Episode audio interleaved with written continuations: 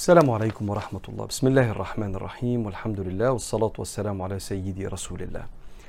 مكملين مع حضراتكم سلسلة الطريق مع طلبة العلم. ندرس عقيدة وشمائل محمدية وفقه على المذاهب الأربعة ثم أخلاق وتزكية وترقية للقلوب. الله النبي الإسلام النفس. وصلنا في كتاب العقيدة الطحاوية للإمام أبي جعفر الطحاوي للكلام عن سيدنا رسول الله عليه الصلاة والسلام. بفكر حضراتكم إن دراسة العقيدة بتتعلم فيها أركان الإيمان السته أن تؤمن بالله تتعرف على ربنا وصفات ربنا سبحانه وتعالى تؤمن بالله وملائكته وكتبه ورسله واليوم الآخر والقدر خيره وشره. وبالتالي إحنا وإحنا بندرس عقيدة أنت بتكون مجموعة المعلومات الراسخة اللي بيها بتشوف الدنيا لأن الإنسان تصرفاته بتطلع من معتقداته. وكل ما كانت عقيدتك سليمة كل ما كانت تصرفاتك وتفسيرك وفهمك للأقدار بشكل سليم. وكل ما كان الإنسان عنده هزة في العقيدة كل ما حصلت أحداث خلته مرتبك في الحياة. فإحنا في رحلة العقيدة بنثبت معتقداتنا في ربنا سبحانه وتعالى وفي مقدسات ديننا عشان نعرف نمشي في رحلة الحياة وإحنا راسخين ثابتين. وصلنا للكلام عن سيدنا رسول الله عليه الصلاة والسلام وخدنا المرة اللي فاتت وأن محمدا عبده المصطفى وهنكمل بعد كده. قال الإمام الكبير أبي جعفر الطحاوي المتوفى فاكر؟ 1 2 3 321 هجريا. قال رحمه الله ونفعنا الله بعلومه وعلومكم في الدارين آمين. وأن محمدا عبده المصطفى ونبيه المجتبى ورسوله المرتضى وأنه خاتم الأنبياء وإمام الأتقياء وسيد المرسلين وحبيب رب العالمين وكل دعوى النبوة بعده فغي وهوى. بيقول إيه الإمام؟ بيقول أن سيدنا النبي عليه الصلاة والسلام واتكلمنا المرة اللي فاتت على فكرة إن النبوة اصطفاء اختيار وليست كسبية. مش إن الواحد بيعمل مجهود فربنا يلاقيه كويس فيختاره نبي. إنما النبوة اصطفاء. قبل ما ربنا يخلق الكون ربنا مختار مين الأنبياء اللي هيبعثهم للعالمين. ناخد بقى الجديد. قال ونبيه المجتبى. الأول كلمة مجتبى يعني مختار.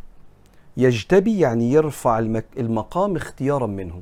الله يجتبي إليه من يشاء ويهدي إليه من ينيب. فالاجتباء هو اختيار واصطفاء من ربنا إنه يرفع مقام عبد. يرفعه المقام إيه؟ النبوة والرسالة. سيدنا رسول الله عليه الصلاة والسلام نبيه المجتبى ورسوله المرتضى. النبي نبى يعني ارتفع. وبرضو كلمة نبي جاية من النبأ أنه ينبأ من الله سبحانه وتعالى. فالأنبياء هو كل إنسان ربنا أوحى لي سواء أمروا بالإبلاغ أو لا. كل من أوحي إليه من الله اسمه نبي لأنه نبئ من الله. وقد يؤمر بتبليغ شيء وقد لا يؤمر.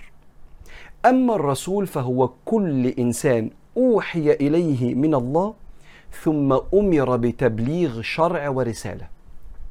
الأنبياء عددهم أكبر من الرسل. كل رسول نبي لكن مش كل نبي رسول.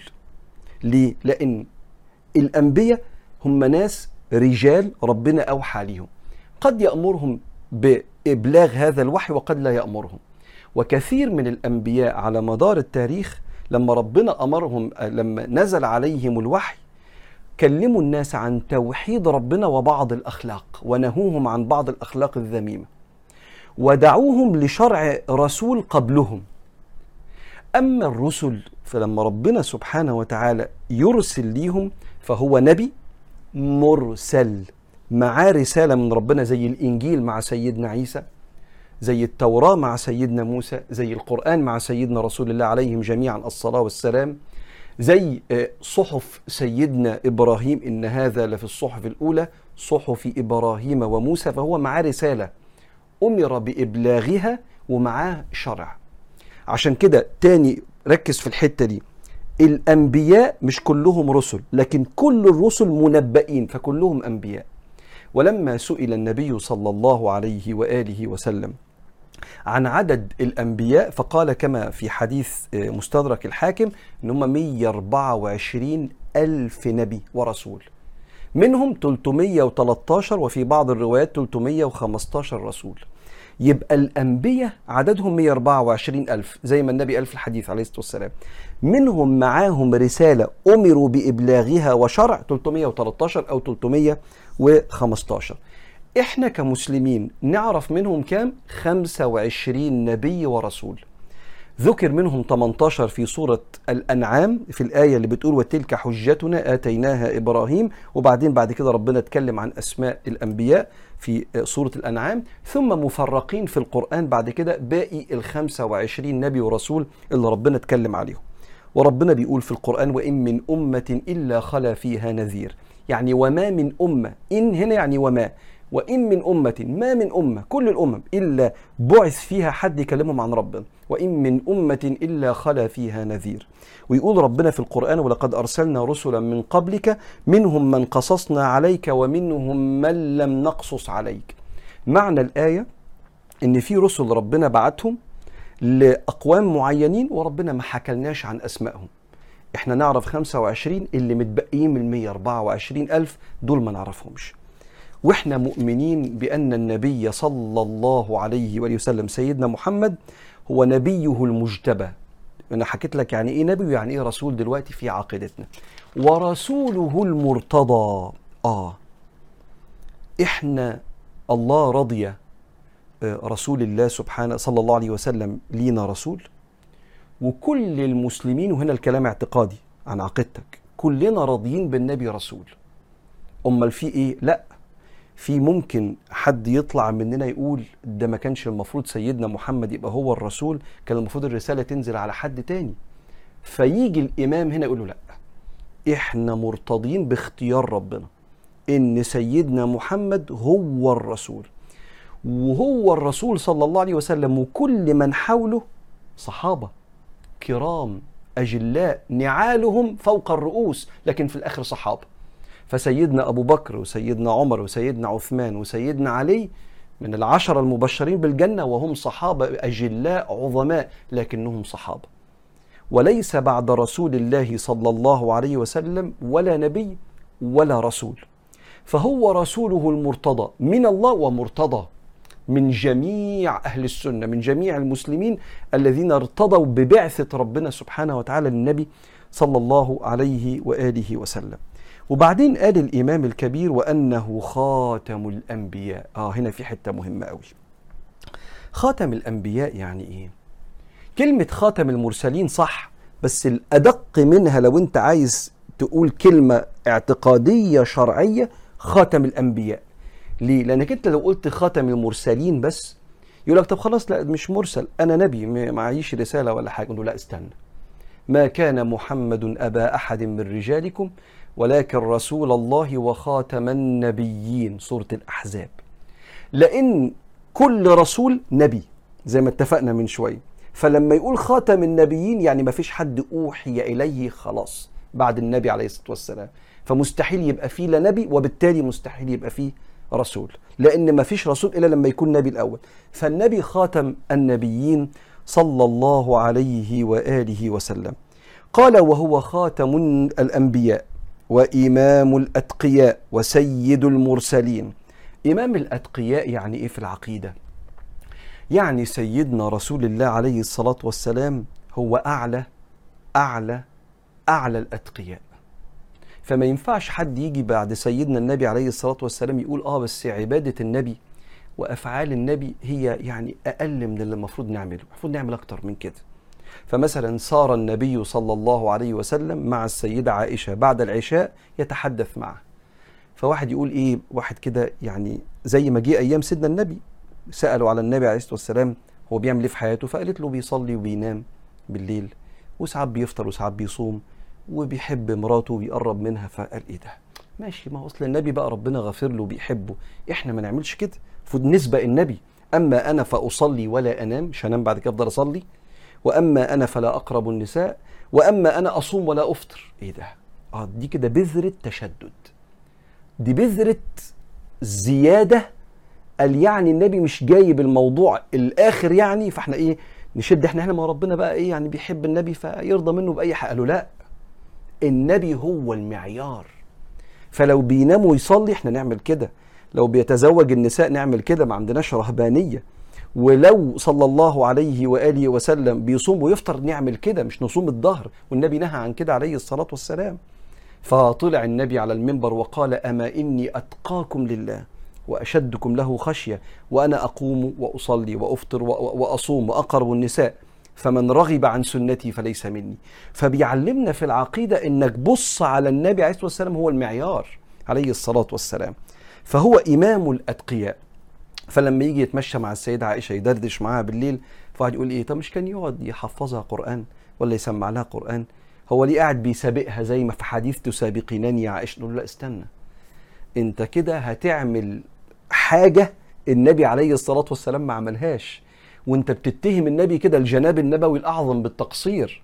فلو سمحت ما تفتيش بالمصري يعني وما تقولش حاجة وهو إمام الأتقياء صلى الله عليه وسلم.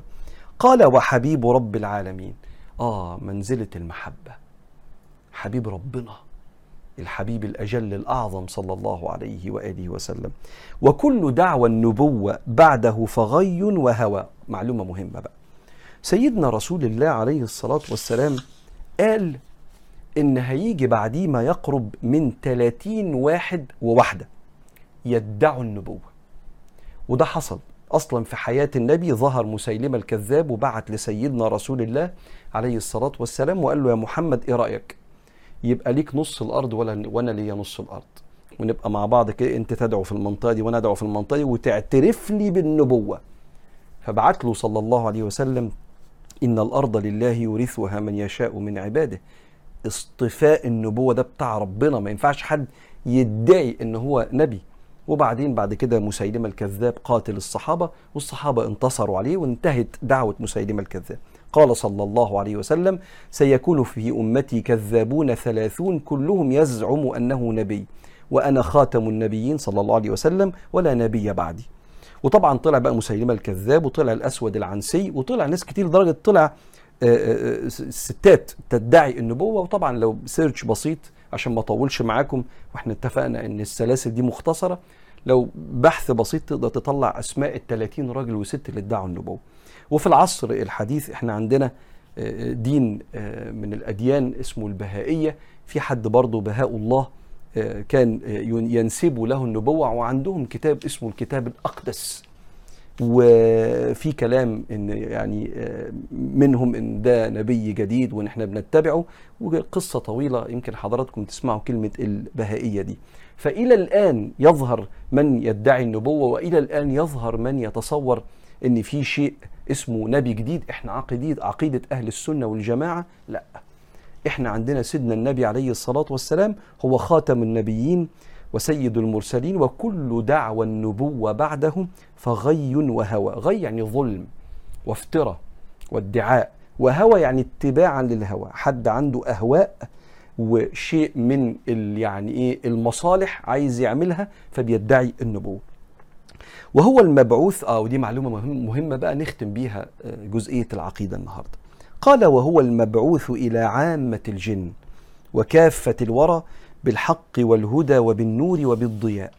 سيدنا رسول الله عليه الصلاة والسلام معلومتين مهمين تعرفهم عنه. أنه مبعوث للعالمين. النبي يقول كده عليه الصلاة والسلام وكان كل نبي يبعث إلى قومه وبعثت إلى الناس عامة. سيدنا محمد عليه الصلاة والسلام رسول العالمين عليه الصلاة والسلام. دي المعلومة الأولى. فمخاطب بدعوته كل البشر. المعلومة الثانية أنه مرسل إلى الجن كمان. مش بس إلى البشر.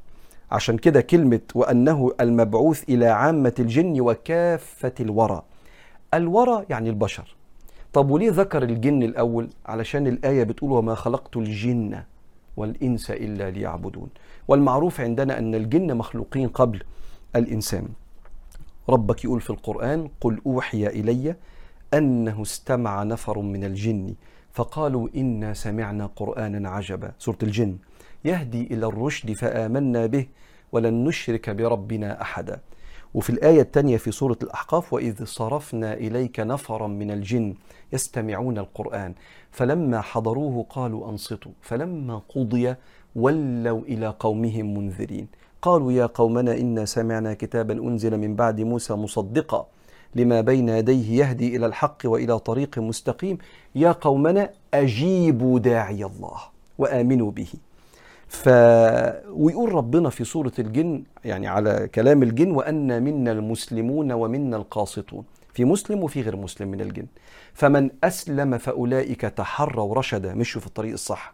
وأما القاسطون فكانوا لجهنم حطبا. فالجن زي البني أدمين كده في منهم المسلم وفي منهم غير المسلم في منهم يدين بالإسلام في منهم يدين بأديان أخرى. وكفره الجن اسمهم الشياطين. وطبعا هنيجي للكلام على المسألة دي في وقت لاحق إن شاء الله. نقف هنا في كتاب العقيدة الطحاوية لأنه هيتكلم المرة اللي جاية عن الإيمان بالقرآن وقفنا عن الكلام عن سيدنا النبي صلى الله عليه وآله وسلم. وصلنا للكتاب الثاني في المجلس الثامن من سلسلة الطريق الكتاب الثاني هو الشمائل المحمدية للإمام أبي عيسى محمد بن سورة الترمذي المتوفى 279 هجريا. فكر حضراتكم أن الشمائل المحمدية هو كتاب يعرفك ويعلقك بسيدنا محمد عليه الصلاة والسلام. يتكلم عن صفاته الخلقية ويتكلم عن صفاته الخلقية صلى الله عليه وسلم. وصلنا في الكتاب إلى باب ما جاء في صفة أكل رسول الله صلى الله عليه وآله وسلم. كان بياكل إيه وبياكل إزاي؟ قال آه كعب بن مالك آه كان يقول أن النبي صلى الله عليه وسلم كان يلعق أصابعه ثلاثا. هشرح لك الموضوع ده دلوقتي. و آه عن أنس بن مالك قال كان النبي صلى الله عليه وسلم إذا أكل لعق أصابعه الثلاث. وكان سيدنا أبي جحيفة يقول كان النبي صلى الله عليه وسلم يقول أما أنا فلا آكل متكئا. كان يقعد صلى الله عليه وسلم قعدة المتخشع كده احتراما للنعمة إذا أكل. وفي الباب الحديث الأخير أن أنس بن مالك كان يقول أتي النبي صلى الله عليه وسلم بتمر. واحد جاب له بلح. فرأيته يأكل وهو مقع من الجوع. المقع الإقعاء يعني حد ساند ظهره كده من التعب من الجوع. كأن التمر جه وكان سيدنا رسول الله جعان جدا. الحديث الأولاني هنا مهم تبقى فاهم الحال النبوي وحال العرب وقتها. لما سيدنا رسول الله عليه الصلاة والسلام جه كان العرب بياكلوا بإيديهم.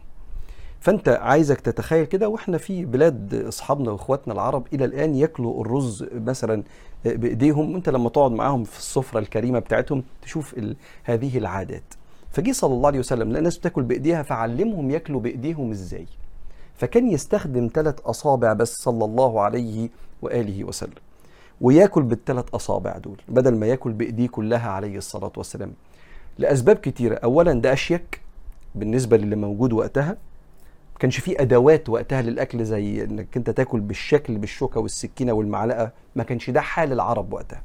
أشيك ثانيا أقل فما تاخدش نصيب حد وانت حتى لو ركزت كده هتلاقي الموضوع كأن في طفرة كده في نقلة في الذوق من واحد بياكل كده لواحد بياكل كده.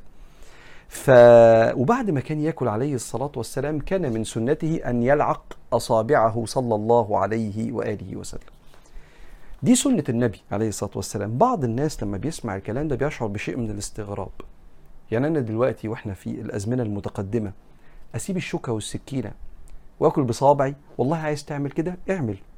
مش عايز تعمل كده ما تعملش. لأن العلماء لما جم يفسروا المسألة دي قالوا أن النبي صلى الله عليه وسلم كان واحد من قومه. فكان ما لم ينهى ما دام ربنا قال له حرام اللي بيعملوه ده خلاص مش هيعمله. لكن لو ما قالوش خلاص زي ما تربينا. ما هو سيدنا النبي أوحي إليه وعنده 40 سنة عليه الصلاة والسلام. فسلوكياته كانت جزء منها طبعا أرقى بكتير منهم في كل شيء لكن طبيعي متربي في وسط العرب. فلما جاء النبي صلى الله عليه وسلم لهم بياكلوا كده نقلهم نقلة لقدام. لكن ما جاب لهمش الشوكة والسكينة من القرون الجديدة وهي مش موجودة عندهم. فكأنه عمل اللي بيعملوه بس بطريقة أشيك. فأنت النهارده هل هتاخد بالسنة الفعلية ولا بروح سنة النبي عليه الصلاة والسلام؟ لو خدت بروح سنة النبي هتاكل. زي ما الناس بياكلوا دلوقتي. طب الناس بتاكل إزاي؟ قالوا بياكلوا بالشوكة والسكينة والمعلقة. خلاص. يبقى السنة إنك تعمل زي الناس ما بياكلوا بالشوكة والسكينة والمعلقة. بعض الناس يقول لك آه أنا هعمل زي الناس بس هاكل باليمين مش بالشمال. ويا سلام هنا يبدأ يقرب أكتر من سيدنا النبي عليه الصلاة والسلام.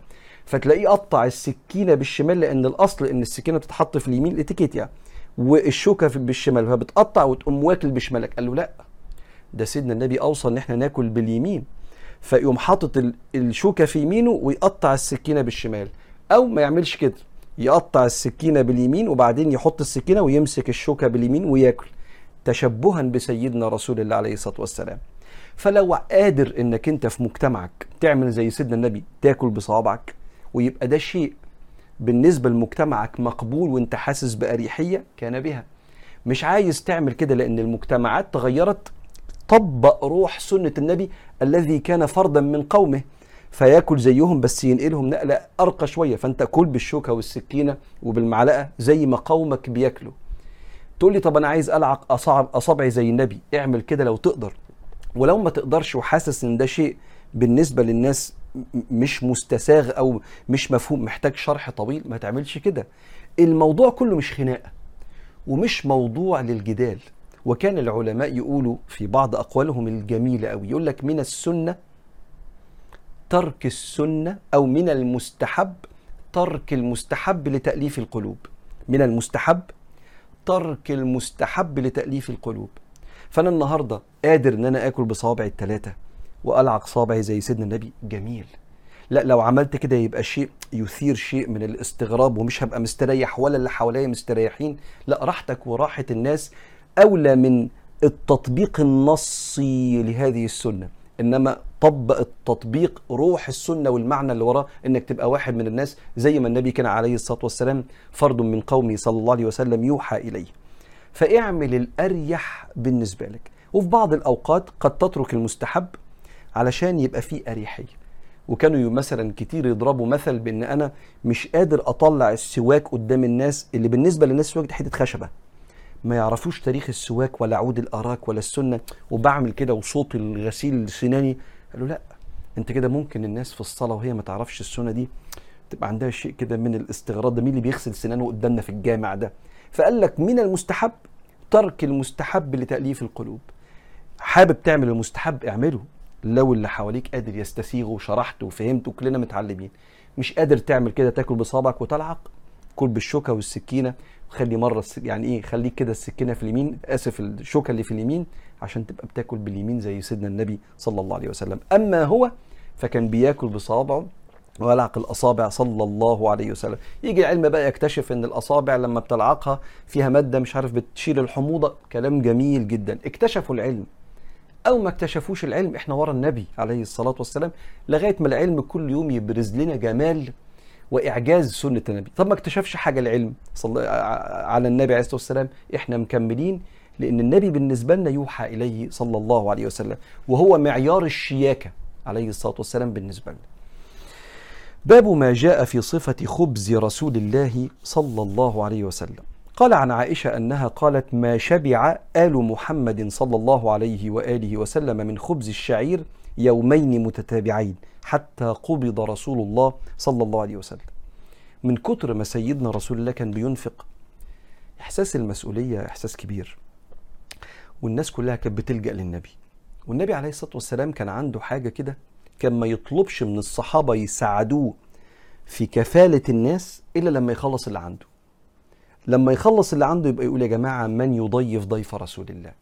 فكان يبص في بيته الأول لغاية ما يبقاش في أي حاجة وبعدين نطلب من الناس تتكفل بالناس المسلمين الجداد. وكان وقتها الكفر منتشر في القبائل اللي حوالين المدينة فلما حد يسلم ما يعرفش يعيش في بلده لأن لو اتعرف إنه مسلم ممكن يقتل فيجي يعيش مع النبي. عقبال ما يدوب في مجتمع المدينة ويلاقوا له شغلانة ويبدأ يبقى قادر يكفي نفسه ذاتيا اللي يصرف عليه النبي عليه الصلاة والسلام. وكانوا يسموهم أهل الصفة. وكانوا يقعدوا حوالين بيت النبي كده. ولما تزور النبي عليه الصلاة والسلام في المسجد دلوقتي هتلاقي سلمة عالية كده حوالين القبر النبوي كان بيقعد عليها أهل الصفه صلى الله عليه وسلم. ف لدرجة إن كان يعدي ما فيش عيش. وإيه؟ ده خبز الشعير يعني مش أعلى أنواع الدقيق. ده, ده حتى من الشعير. ما شبع النبي صلى الله عليه وسلم ولا آل النبي من خبز الشعير يومين ورا بعض. لما كان بينفق على طول. فكانوا ما بيلحقوش يشبعوا في بيت النبي صلى الله عليه وسلم. يا أخي يعني إيه الهمة لما بتبقى عالية بتتعب في مرادها الأجسام كما يقول أهل الهمم يعني في الأشعار بتاعتهم وعن أبي أمامة الباهلي يقول ما كان يفضل عن أهل بيت رسول الله صلى الله عليه وسلم خبز الشعير. كانش يبقى عندهم عيش زيادة ابدا. صلى الله عليه وسلم. وعن ابن عباس قال كان رسول الله صلى الله عليه وسلم يبيت الليالي المتتابعة طاويا. طاويا يعني جعان. هو وأهله لا يجدون عشاء وكان أكثر خبزهم خبز الشعير. كتير كان يعدي على النبي عليه الصلاة والسلام لما كان بيشارك لقمته مع الغلابة يعدي عليه أيام يبقى جعان. صلى الله عليه وآله وسلم. بص كده لجوانب حياة النبي هتلاقي أعلى حاجة في كل وقت وفي كل حاجة. وأطيب حاجة وأكرم حاجة في كل وقت وفي كل حاجة. يعني كتير جدا ما تبص على سيدنا محمد وتقول له زي ما سيدنا عمر كان بيقول له حضرتك بتعمل كده ليه يا سيدنا النبي؟ ربنا ما كلفكش بكده. كتير. يجي له الراجل يقول له يا رسول الله عايز منك أي حاجة أي مساعدة أي أكل؟ يقول له معيش بس روح السوق اشتري. ولما تيجي تدفع قول له محمد هيجي قل على محمد أبقى أنا أجي أدفع بعدين. فسيدنا عمر يقول له ما كلفك الله بهذا؟ ما حضرتك مش عندك؟ قول له ما عنديش. قول له ربنا يسهل لك ربنا يكرمك. رده كده بميسور من القول. لكن ليه حضرتك تقول اشتري من المول ولا من السوق وأنا هبقى أجي ادفع بعد كده؟ فتكلف نفسك حاجة ربنا ما أمركش بيها. فالكلام كده إيه النبي يبص كده مش يعني مش عايز أسمع مش ده يا عمر. فسيدنا بلال يقول له يا رسول الله أنفق ولا تخشى من ذي العرش اقلالا أنفق. فيبتسم ويقول وبهذا أمرت. أيوه ده. فهو حاجة كبيرة قوي عليه الصلاة والسلام. ويقول لنا سيدنا سهل بن سعد في الحديث اللي بعديه آه أنه قيل له أكل رسول الله النقي يعني الحوارة اللي هو الدقيق الأبيض اللي هو يعني إيه أشيك حاجة بيتعمل منها العيش الخبز. إحنا بنقرأ في باب ما جاء في خبز رسول الله عليه الصلاة والسلام. فقال سهل ما رأى رسول الله صلى الله عليه وسلم النقى حتى لقي الله عز وجل. فقيل له هل كانت لكم مناخل على عهد رسول الله عليه الصلاة والسلام؟ قال ما كانت لنا مناخل. قال كيف كنتم تصنعون بالشعير؟ قال كنا ننفخه فيطير ما طار ثم نعجنه. هو سيدنا رسول الله في البيت كان عنده منخل. المنخل تحط فيه الشعير بال بال بالقشرة بتاع البذرة والقشرة بتاع الدقيق. فالمفروض تعمل كده فينزل الدقيق الناعم البيور الصافي نعمل منه العيش. واللي ما عندوش منخل ده هيطحن الشعير باللي متبقي من ال ال القشرة بتاعه الحبوب نفسها. فاحنا ما كانش عندنا مناخل كنا ننفخ فيه كده فيطير شوية قشر واللي متبقي من القشر مع الشعير نقعد نطحن فيه وناكله زي ما هو كده كان ياكله النبي صلى الله عليه وآله وسلم. ثم الحديث اللي بعد كده يقول سيدنا أنس بن مالك ما أكل نبي الله صلى الله عليه وسلم على خوان ولا في سجرج ولا في سكرجه ولا خبز له مرقق. قال فقلت لقتادة فعلى ما كانوا يأكلون؟ قال على هذه السفر. الخوان بكسر الخاء وهو ما يرتفع ليؤكل عليه من الطعام. ما يرتفع يعني ترابيزة عمره ما قعد على ترابيزة أو طبلية صلى الله عليه وآله وسلم. حياته كانت أسرع من كده. وما كانش الموضوع ده مهم بالنسبة له. أي حاجة نقعد على الأرض. سفرة يعني حتة قماشة بتتفرد كده ويتحط عليها الطبق. زي عندنا الكيس البلاستيك كده اللي هو بت... عارف انت الرول ده نفرده ونقعد على الأرض كده فكان بياكل كده صلى الله عليه وسلم. ولا في سكرجة. السكرجة بضم السين والكاف والراء المشددة في إناء صغير يوضع فيه الشيء القليل المشهى للأكل كالسلطة والمخلل. عمره ما صلى الله عليه وسلم كان عنده مواضيع كتير كده على السفرة. فيبقى مثلا طبق فيه سلطة وطبق فيه شوربة وطبق فيه الحوادق والمخلل والرز وبعدين مش عارف إيه الحلو وبعدين البروتين. ما كانش عنده النبي كده عليه الصلاة والسلام. كان بياكل أكلات بسيطة جدا جدا في حتة قماشة مفروضة على الأرض أو جلدة ونحط عليها الطبق. ده مش دعوة إنك أنت ما تاكلش الأكل اللي في بيتك اللي بيبقى متقسم التقسيمة الحلوة دي. إنما دي كانت حياته عليه الصلاة والسلام. ولم يأمر بذلك. بل رأى الصحابة ربنا موسع عليهم وكان بيدعي لهم بالتوسعة. وكان سيدنا أبو بكر الصديق يقول اللهم وسع علي في الدنيا وزهدني فيها ولا تزوها عني وترغبني فيها. وسع علي أكل واشرب وانبسط. لما واحد من الصحابة قال مش هاكل لحمة تاني لأنها بتقوي شهوتي؟ نزل القرآن قل من حرم زينة الله التي أخرج لعباده. والطيبات من الرزق. قل هي للذين آمنوا في الحياة الدنيا خالصة يوم القيامة. الحساب بتاعها خلصان مش هتتحاسب عن أكل الحلال. كل وانبسط اللحمة والرز والشوربة و... بس النبي كانت حياته كده عليه الصلاة والسلام. ولم يأمر بذلك إنما كانت حياته كده. فأنت بتعرف حياة النبي دلوقتي. ليه؟ عشان لو مر عليك وجبة ما كانش فيه أكل اللي متبقي أكلناه في ال... ما كانش فيه طبيخ النهارده فأكلنا حاجة بسيطة نعمة. عدى عليك مرحلة من حياتك كان عندك ضائقة مالية فكان الأكل بسيط؟ أديك تشبهت بالنبي عليه الصلاة والسلام وخدت نصيب ورث من حياة النبي عليه الصلاة والسلام. لكنه لم يأمر بترك الطعام لكن دي كانت حياته صلى الله عليه وسلم. ناخد الحديث الأخير عن مسروق قال دخلت على عائشة فدعت لي بطعام وقالت ما أشبع من طعام فأشاء ما أشبع من طعام فأشاء أن أبكي إلا بكيت قلت لما؟ قالت أذكر الحال التي فارق عليها رسول الله صلى الله عليه وسلم الدنيا والله ما شبع من خبز ولحم مرتين في يوم. مسروق تابعي من تلامذة السيدة عائشة. دخل عليها لقاها بتاكل وبتقول له كل ما اشبع اعيط بتعيطي ليه؟ قالت له أصل الحال اللي النبي كان عايش عليه ومات عليه وسابنا عليه يعني آخر عهدي برسول الله لغاية ما انتقل للرفيق الأعلى عمره ما شبع من الخبز ولا اللحمة مرتين في اليوم. يعني لو في وجبة مشبعة تبقى مرة في اليوم لكن ما يبقوش ما يبقاش عنده وجبتين زي الفطار الحمد لله تمام شبعت. والغداء اللهم لك الحمد شبعت. والعشاء اللهم لك الحمد لله شبعت. لا هو كان يشبع مرة في اليوم وبقيه اليوم الأكل كان يبقى بسيط جدا صلى الله عليه وسلم. فكل ما تشبع تعيط وتبكي وتفتكر حال النبي عليه الصلاة والسلام. فكان هذا باب ما جاء في خبز رسول الله وأكل رسول الله. ونكمل المرة الجاية إن شاء الله في كتاب الشمائل المحمدية للإمام الترمذي. شكرا. وصلنا في المجلس الثامن للكتاب الثالث كتاب الفقه الواضح من الكتاب والسنة على المذاهب الأربعة لسيدنا الإمام الدكتور محمد بكر إسماعيل رحمه الله ونفعنا الله بعلومه وعلومكم في الدارين. اللهم آمين.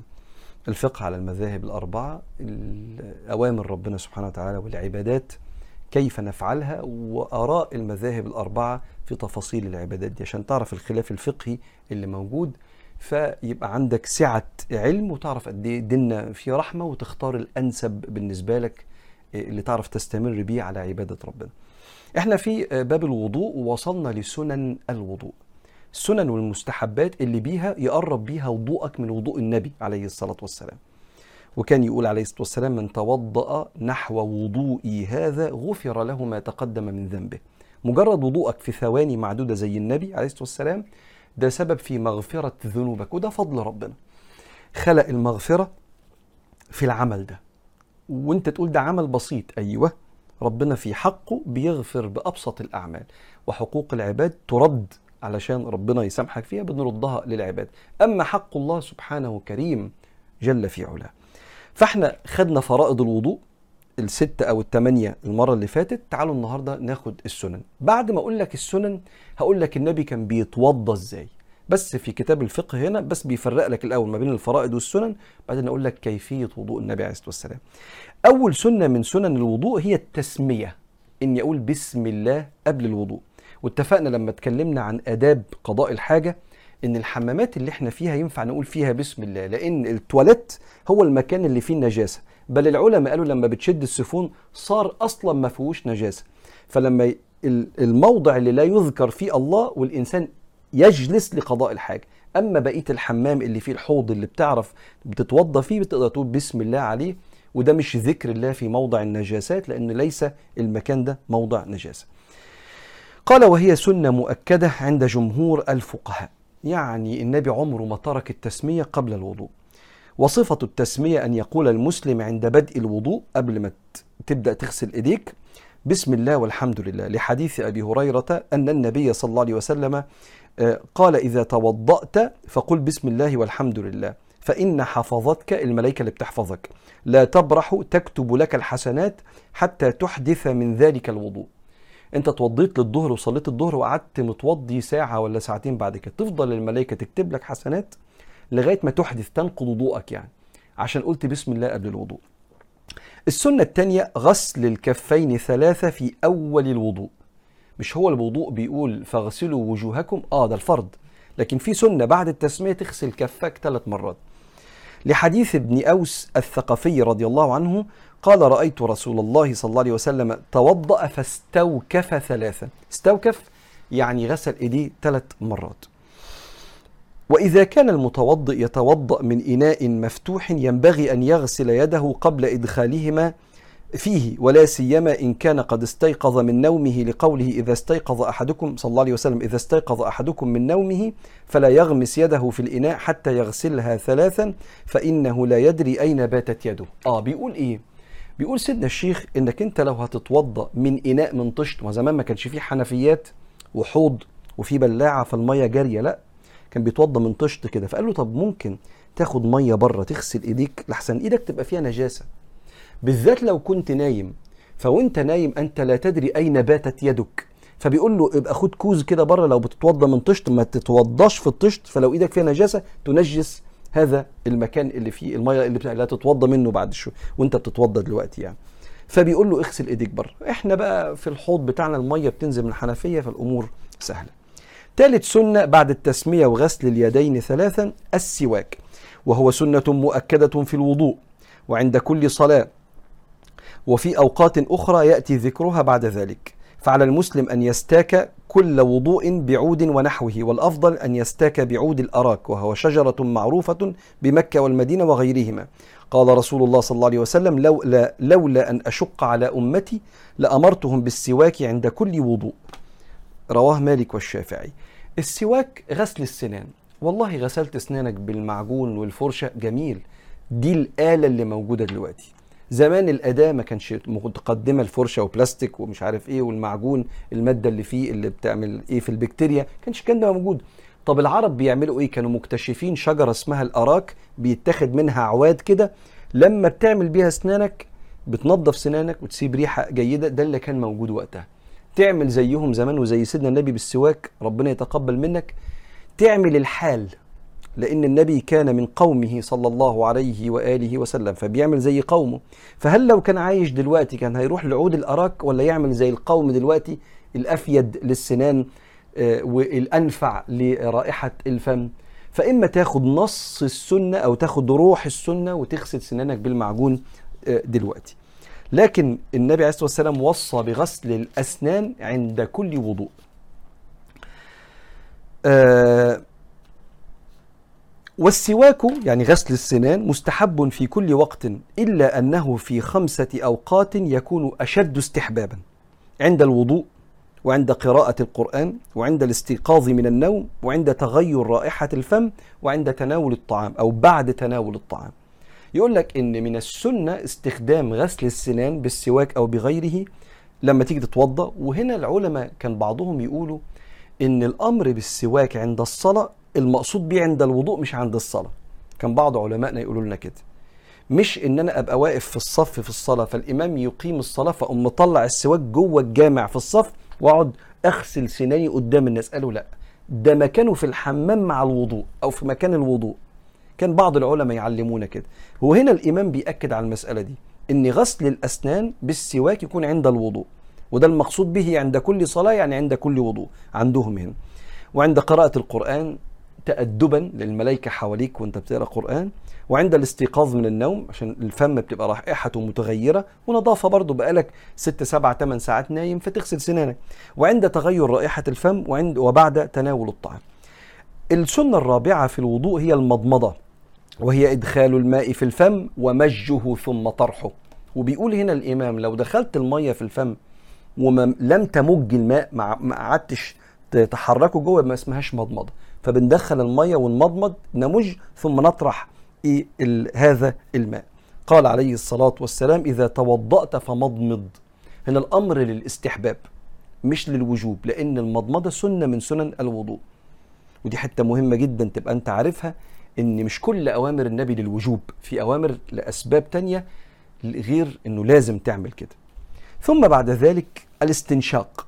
والاستنثار وهو إدخال المياه في مناخيرك ثم انزلها من مناخيرك. قلت بسم الله غسلت إيديك ثلاث مرات استخدمت السواك مضمضت وبعدين شفطت الميه بمناخيرك بايدك اليمين ونزلتها وأنت بتنفخ كده بمناخيرك بإيدك الشمال ليه تنظيف للمناخير. فعن أبي هريرة رضي الله عنه الاستنشاق إن أنا باخد المية كل واحد على قد ما يقدر. في واحد بيعرف يعملها يدخل المية جوه واحد لا مش بيعرف يعمل كده بس على قد ما تقدر. والاستنثار تنفها أو تنفخها من مناخيرك. استنشاق استنثار خروج.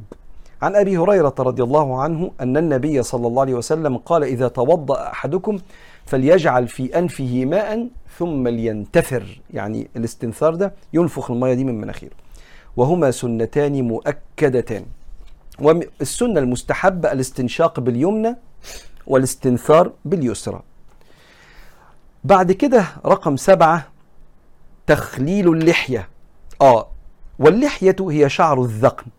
ومعنى تخليلها إيصال الماء إلى منابت الشعر. فقد كان النبي صلى الله عليه وسلم يخلل لحيته في وضوئه فهو سنة مستحب. فعن أنس رضي الله عنه أن النبي صلى الله عليه وسلم كان إذا توضأ أخذ كفا من الماء فأدخله تحت حنكه فخلل به وقال هكذا أمرني ربي عز وجل. رواه أبو داود. يبقى الناس اللي لحيتها كثيفة فممكن لما يجي يغسل اللحية كده يبقى من السنة مش فرض إنه يخلي لحيته بحيث يوصل المية لبشرة وجهه. ولكن لو ما عملتش كده ده مش فرض. تخليل اللحية سنة عن النبي عليه الصلاة والسلام. تثليث غسل أو غسل الفرائض. فالغسلة الأولى فرض إن عم بها جميع العضو والثانية فرض وإلا فالثانية فرض وإلا فالثالثة أيضا فرض.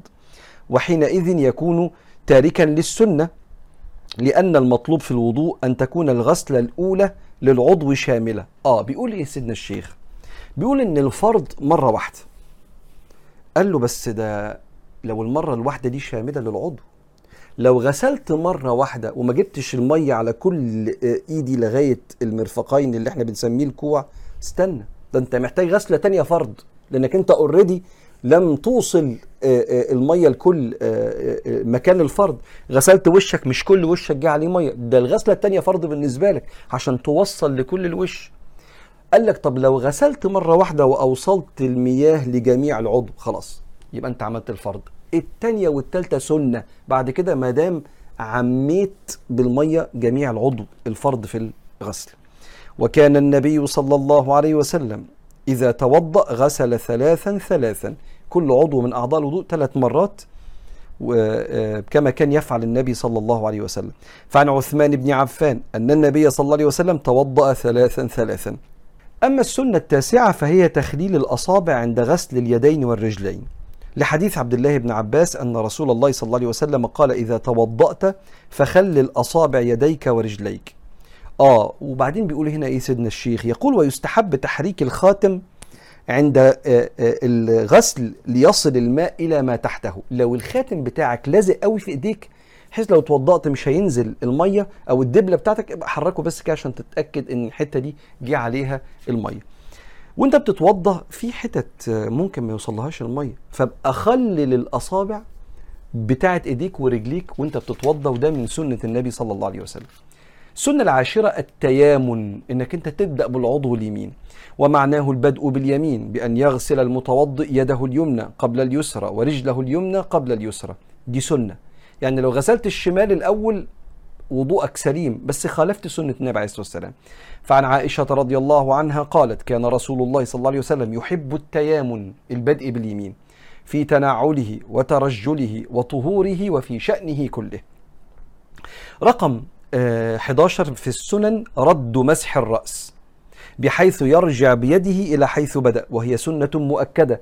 يعني أنا لما باجي أغسل راسي بس مجرد أمسح راسي آسف مجرد بس أحط إيدي كده على راسي قال له من السنة توديها لورا وترجعها تاني لقدام. دي سنة مش فرض. واخد بالك فاكر المرة اللي فاتت لما اتكلمنا على الفروض واتكلمنا عن مساحة الرأس وقلنا إن الشافعية يكفيهم شعرات بسيطة والأحناف ربع الرأس والمالكية والحنابلة بيقولوا كل الرأس. لكن السنة إنك أنت تعمل كده وترجع إيديك تاني مرة تانية. فعن عبد الله بن زيد أن النبي صلى الله عليه وسلم مسح رأسه بيديه فأقبل بهما وأدبر. أقبل بهما وأدبر. دبر يعني ورا والإقبال يعني قدام. فأقبل بهما وأدبر. فبدأ بمقدم رأسه صلى الله عليه وسلم ثم ذهب بهما إلى قفاه ثم ردهما إلى المكان الذي بدأ منه صلى الله عليه وسلم ثم غسل رجليه. السنة رقم 12 مسح الأذنين ظاهرهما وباطنهما. آه. مرة واحدة بماء الرأس. مسح الودان بالمية اللي متبقية من مسحة راسك. مش لازم تجيب مية تاني من الحنفية. فأنا مسحت كده واللي قمت على طول بمسح وداني. مسح الأذن سنة. مرة واحدة بماء الرأس. أي بنفس الماء الذي مسح به رأسه. ويستحب أن يجدد لهما الماء. ماشي. فعن المقدام ابن معد يكرب. رضي الله عنه أن رسول الله صلى الله عليه وسلم مسح في وضوئه رأسه وأذنيه ظاهرهما وباطنهما وأدخل إصبعه في صماخي أذنيه. لما بنيجي نمسح ودنا بندخل صباعنا ده في ودنا كده وصباعنا الكبير من ورا. فإحنا بننظف بده بصباعنا ده جوه ودنا وبصباعنا الكبير من ورا ودنا دين النظافة ودين الشياكة ودين الجمال. رقم 13 من السنن الاقتصاد. في الماء. الاقتصاد في الماء. آه. كنت مرة سيدنا الشيخ عندي في البيت فشفته بيتوضى كده فتح الحنفية وبدأ ينزل في الدراع بتاع الحنفية عشان سرسوب المية يقل يكفي للوضوء. مش لازم أقوم خابط دراع الحنفية والمية تنزل جامد كده النبي نهى عن كده عليه الصلاة والسلام. أي عدم الإسراف فيه عند الوضوء فإن الله عز وجل حرم الإسراف في كل شيء وخير الأمور أوسطها. وتوضأ النبي صلى الله عليه وسلم بمد واحد. قد ملء الكف كده. يعني حوالي 400 جرام مية. وعن ابن عباس رضي الله عنه أن النبي صلى الله عليه وسلم مر بسعد سيدنا سعد يعني وهو يتوضأ فقال ما هذا السرف يا سعد؟ فقال وهل في الماء سرف؟ قال نعم.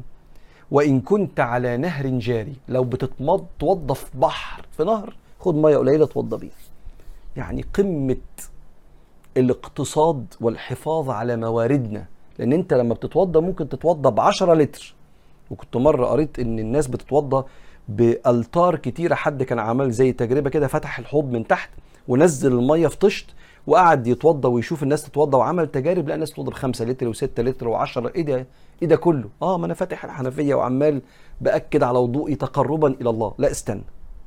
التقرب إلى الله يكون زي ما النبي عمل عليه الصلاة والسلام ونهى عن الإسراف فخد بالك من سرسوب الميه هنقف هنا لسه في سنن تانية هقولها لك بعدين بس بعد الوضوء زي الدعاء والصلاة ركعتين وكده بس خلينا نقف عند الوضوء وأقول لك النبي كان بيتوضى إزاي؟ عليه الصلاة والسلام. كان عليه الصلاة والسلام يقول بسم الله والحمد لله وبعدين يغسل إيديه كفه ثلاث مرات وبعدين آه، يتمضمض ثلاث مرات وبعدين يستنشق ويستنثر ثلاث مرات وبعدين يغسل وشه صلى الله عليه وآله وسلم ثلاث مرات ويغسل إيديه إلى المرفقين عليه الصلاة والسلام يبدأ باليمين ثلاث مرات ثم الشمال ثلاث مرات ثم يمسح رأسه صلى الله عليه وسلم كان بيعمل كده ويرجع تاني أو أنت امسح رأسك أي جزء من رأسك ثم يحط صوابعه بنفس المية عليه الصلاة والسلام في ودانه الصباع ده اسمه السبابة أو المسبحة جوه والصباع الكبير ورا ثم صلى الله عليه وسلم يطلع يعني لو إحنا في الحوض يعني تطلع رجليك في الحوض وتغسل رجليك لغاية العظمتين اللي في جنب رجليك اللي اسمهم الكعب آه، في الجنب هنا ثلاث مرات اليمين ثم ثلاث مرات الشمال وما تنساش تخلل صوابع ايديك وانت بتغسل وصوابع رجليك وانت بتتوضى. ده كان وضوء النبي صلى الله عليه وسلم ونقف هنا ونكمل المرة الجاية إن شاء الله الفقه على المذاهب الأربعة. وصلنا للكتاب الرابع في المجلس الثامن من آه، سلسلة الطريق وهو كتاب أيها الولد للإمام الكبير حجة الإسلام أبي حامد الغزالي رحمه الله ونفعنا الله بعلومه وعلومكم في الدارين آمين. الكتاب بيتكلم عن تزكية النفس وترقية الروح وإصلاح الأخلاق وشفاء أمراض القلوب. تزكية النفس شيء أو العبادة اللي ربنا بعت بها النبي عليه الصلاة والسلام كما أرسلنا فيكم رسولا منكم يتلو عليكم آياتنا يقول لكم القرآن ويزكيكم يصلح أخلاقكم ويرقي روحكم ويعلمكم الكتاب والحكمة يعلمكم آه، أحكام الإسلام. فالتزكية هي الشيء الأصلي اللي المفروض يبان علينا لما نعرف ربنا ونعرف سيدنا محمد عليه الصلاة والسلام. وانت وأنا لما بنتعامل مع حد قريب لربنا وأخلاقه حلوة بنحب ربنا ونحب سكة ربنا. والعكس لما بيبقى في حد أخلاقه وحشة الكل بيتمنى فراقه ايا كان شكل عبادته لربنا سبحانه وتعالى. وبالتالي أنا وأنت وحضرتك محتاجين نركز قوي قوي قوي إن معرفتنا لربنا والعلم اللي بنتعلمه يكون ليه أثر في سلوكياتنا. سلوكياتنا في أدبنا مع الله وأدبنا مع نفسنا وأدبنا مع الخلق وأدبنا مع الكون. في عمارة الأرض. وصلنا مع سيدنا الإمام الكبير الإمام الغزالي وهو بيقول لتلميذه بيقول له أيها الولد وروي أن الحسن البصري رحمه الله تعالى أعطي شربة ماء بارد فلما أخذ القدح غشي عليه وسقط من يده فلما أفاق قيل له ما لك يا أبا سعيد؟ قال ذكرت أمنية أهل النار حين يقولون لأهل الجنة أفيضوا علينا من الماء أو مما رزقكم الله. في آية في سورة الأعراف بتتكلم إن أصحاب النار لما يخشوا النار بعيد عننا كلنا هيندهوا على أصحاب الجنة. ونادى أصحاب النار أصحاب الجنة أن أفيضوا علينا من الماء أو مما رزقكم الله. قالوا إن الله حرمهما على الكافرين. المشهد ده من الآيات الشهيرة جدا جدا في القرآن اللي الناس بتستناها عشان تسمعها في صلاة التراويح ورا الأئمة.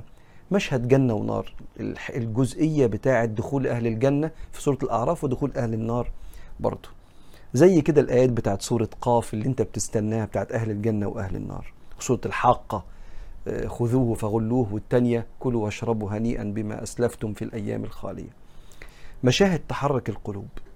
واللي ليه علاقة بالقرآن بيبقى القرآن بين عينيه كده فبيشوف بيه الدنيا بيشوف الدنيا بالقرآن. فسيدنا الحسن البصري كان يغلب على حاله القبض ودي معلومة مهمة ليك. بعض السلف الصالح يغلب على حاله البسط. يعني إيه؟ كلمة دي مع رحمة ربنا وأي مشهد يشوفه يفسره بالجمال ورحمة ربنا ورضا ربنا وعفو ربنا. بعض الناس يغلب عليهم القبض. كل ما يشوف مشهد يفسره بيا رب نجينا واهدينا تاخدش من مننا النعمة اللي في إيدينا وخفف علينا حساب يوم القيامة قبض. وربنا موزع ربنا موزع الأحوال على الخلق. وناس تانية كلامها فيه اتزان ما بين القبض والبسط.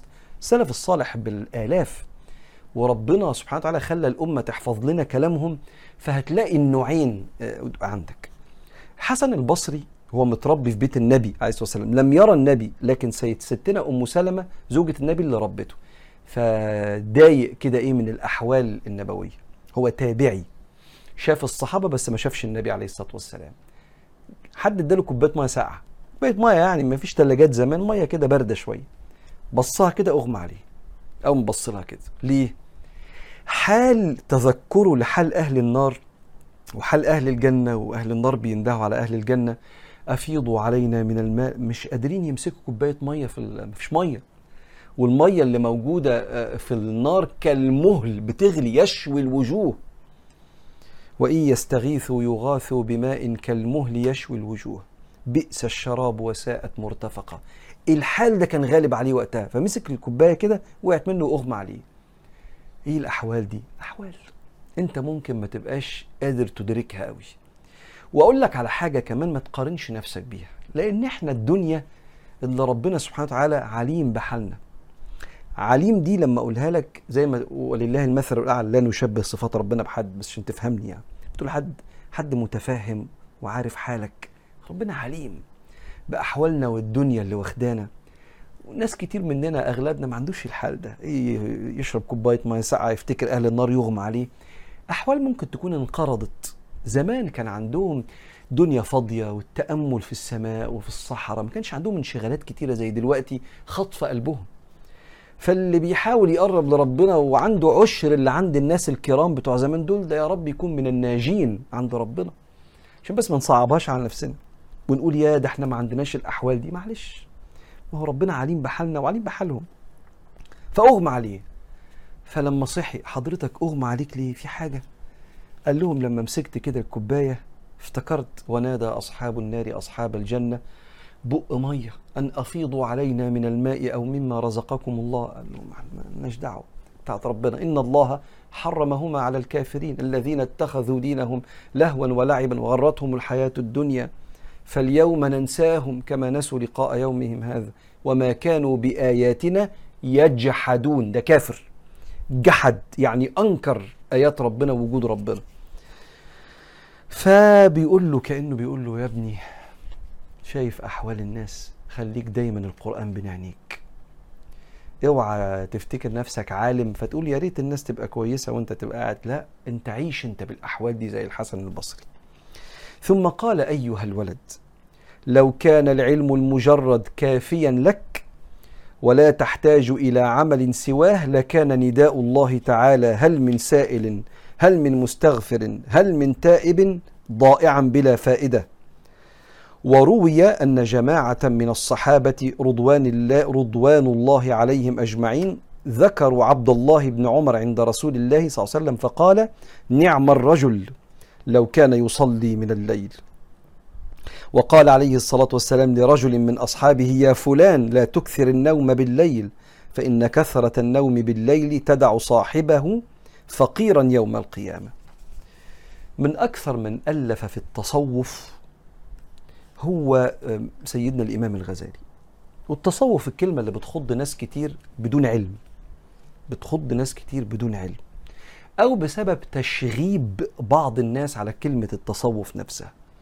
تصوف هي ببساطة البحث عن العمل الصالح والمعرفة الصالحة التي تصفي القلب وتجعله موصولا بالله. وهو ركنين عبارة عن اتباع لرسول الله صلى الله عليه وسلم بقلب مخلص. كتابنا هذا. طريقنا هذا مشيد مبني مشيد بالكتاب والسنة. وكله علم وعمل. مش علم بس فابقى قاعد عندي معلومات كده متعطلة ولا عمل بس أبقى بضل نفسي لأني مش متعلم علم وعمل. فالإمام الغزالي يعني سيد من سادات أهل التصوف بيقول له ولا تلميذه يا ابني؟ الموضوع مش بالكلام والمعلومات لازم ينبني عليه عمل. وإلا يا بني أو يا أيها الولد وإلا لو الموضوع معلومات بس لأن الولد اتعلم الراجل عالم تلميذه عالم له يا ابني اوعى تتخدع. لازم مع العلم ده يبان في سلوكياتك وأخلاقك وعبادتك.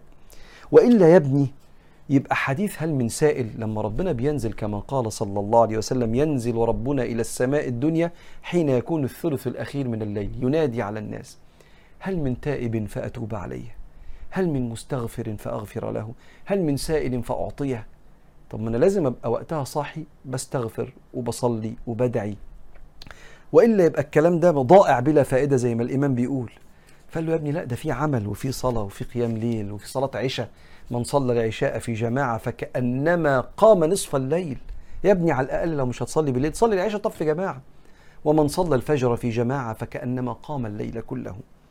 فبيقول له يا ابني وبعض الناس ذكروا عبد الله بن عمر لسيدنا النبي. عبد الله بن عمر ده كبير قوي عند النبي عليه الصلاة والسلام. ابن سيدنا عمر بن الخطاب وأحد أكثر الناس تشبها بالنبي عليه الصلاة والسلام في أفعاله وأقواله ولبسه وكل حياته.